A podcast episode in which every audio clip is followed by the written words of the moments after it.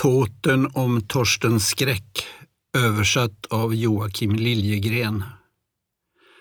Tåten om Torsten Skräck ingår i samlingen av kungasagor i Flatejarbok. Tåten är en egendomlig historia om en islänning vid kung Olav Tryggvasons hird.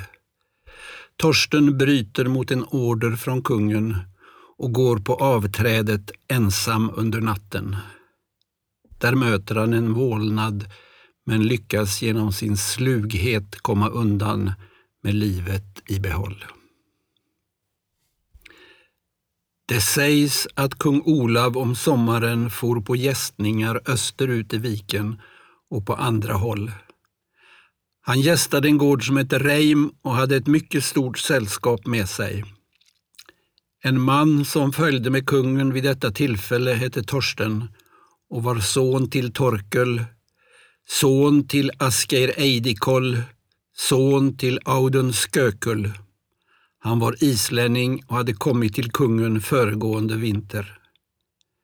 På kvällen när folket satt vid dryckesborden sa kung Olav att ingen av hans män ensam fick gå ut på avträdet under natten och var och en som behövde gå dit ombads att ta med sig den som låg bredvid. I annat fall skulle det gå illa. Männen drack med besked på kvällen och när dryckesborden ställdes undan gick de i säng. Fram på natten vaknade islänningen Torsten och behövde gå och uträtta sina behov, men den som låg bredvid honom sov djupt, så Torsten ville helst inte väcka honom. Han steg upp, satte på sig skorna, drog på sig en tjock fäll och gick till avträdet. Det var en stor byggnad med plats för elva man på vardera sidan. Han satte sig på yttersta platsen. När han hade suttit en stund såg han att en djävulsvålnad klättrade upp ur hålet vid den innersta platsen och satte sig där. Torsten frågade då Vem där? Vålnaden svarade jag är Torkel den tunne som stupade i strid tillsammans med kung Harald Hildetand. Varifrån kommer du nu? frågade Torsten. Han sa att han nyss hade kommit från helvetet. Vad kan du berätta om den platsen? undrade Torsten. Den andre svarade. Vad vill du veta? Vem tål helvetets plågor bäst? Ingen tål dem bättre, sa spöket, än Sigurd Fafnersbane. Vilka plågor måste han utstå? Han tänder eld i ugnen, sa vålnaden. Det tycker jag inte verkar vara något särskilt plågsamt straff, sa Torsten. Jo, det är det, sa vålnaden, för han är själv bränslet. Det var värre det, sa Torsten. Vem tål plågorna sämst där nere då? Vålnaden svarade, starka den gamle tål de sämst, för han skriker så åt oss andra jävlar. Det är en värre plåga än det mesta, för vi kan aldrig få någon ro från hans skrik. Vilken plåga utstår han, frågade Torsten, som han tål så illa med tanke på vilken tapper man han har sagts vara. Han har eld upp till fotknölarna. Det tycker inte jag verkar vara så farligt, sa Torsten. En sån kämpe som han har varit. Det är inte så lite, sa vålnaden, för det är bara undersidorna av hans fötter som sticker upp ovanför flammorna. Det var värre det, sa Torsten. Kan du härma hur han skriker? Visst kan jag det, sa vålnaden. Sen öppnade han käften och utstötte ett högt vrål och Torsten drog flikarna på sin fäll över huvudet. Han förblev ganska oberörd av vrålet och frågade Är det hans värsta skrik? Långt ifrån, svarade vålnaden. Det är så vi småjävlar brukar skrika. Skrik lite som starka då, sa Torsten. Det kan jag väl, sa vålnaden och sen började han skrika en andra gång så gräsligt att Torsten tyckte att det var rent obegripligt hur högt ett sånt litet fanstyg kunde yla. Torsten gjorde som tidigare och svepte fällen runt sitt huvud, men ändå drabbades han så illa att han förlorade sansen och svimmade. Då frågade gasten, varför är du så tyst nu?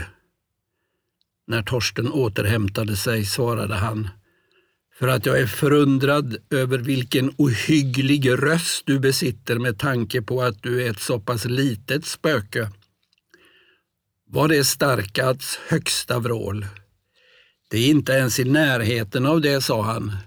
Det är snarare hans svagaste vrål. Håll nu inte inne med det längre, sa Torsten, utan låt mig få höra det starkaste skriket. Vålnaden gick med på det. Torsten förberedde sig på ett sätt att han vek ihop fällen och knöt den om sitt huvud och höll för öronen med bägge händerna. Vålnaden hade satt sig tre säten närmare Torsten för varje skrik och nu var det bara tre säten kvar emellan dem. Vålnaden slog på ett fruktansvärt sätt upp gapet, vände ögonen ut och in och började gallskrika så högt att det var helt överväldigande för Torsten. Men plötsligt ringde klockan på gården samtidigt som Torsten medvetslös föll ner på golvet. Klockklangen gjorde att vålnaden ramlade ner genom golvet och skriket kunde fortfarande höras långt ner i marken. Torsten återhämtade sig snabbt, reste sig upp och gick till sin bädd och la sig. På morgonen steg männen upp. Kungen gick till kyrkan och lyssnade på ottesången. Därefter gick man till bords. Kungen var inte på särskilt gott humör. Han sa, har någon i natt gått ensam till hemlighuset? Torsten ställde sig då upp och föll på knä framför kungen och sa att han hade brutit mot hans befallning. Kungen sa, för mig var detta inte särskilt farligt, men det bevisar ju det som brukar sägas om er islänningar, att ni är mycket envisa. Men var det något som hände dig? Torsten berättade då om allt som hade hänt. Kungen frågade, varför tänkte du att det skulle tjäna dig att han skrek? Det ska jag berätta för dig, Herre. I och med att du hade varnat alla för att gå ensamma dit förstod jag att jag inte skulle komma helskinnad därifrån när oknyttet dök upp. Jag hoppades att du skulle vakna, Herre, när han skrek och tänkte att jag skulle få hjälp om du blev varse vad som hände. Så blev det också, sa kungen. Jag vaknade och förstod vad som pågick och därför lät jag ringa i klockan, för jag visste att inget annat kunde hjälpa dig. Men blev du inte rädd när vålnaden började skrika? Torsten svarade, rädsla vet jag inte vad det är, herre. Blev du inte skräckslagen alls? frågade kungen. Nej då, sa Torsten, det var först vid det sista vrålet som jag nästan blev rädd. Kungen sa, nu ska du få ditt tillnamn och från och med nu ska du kallas Torsten Skräck. Här har du ett svärd som jag vill ge dig som namnfästningsgåva. Torsten tackade honom för gåvan.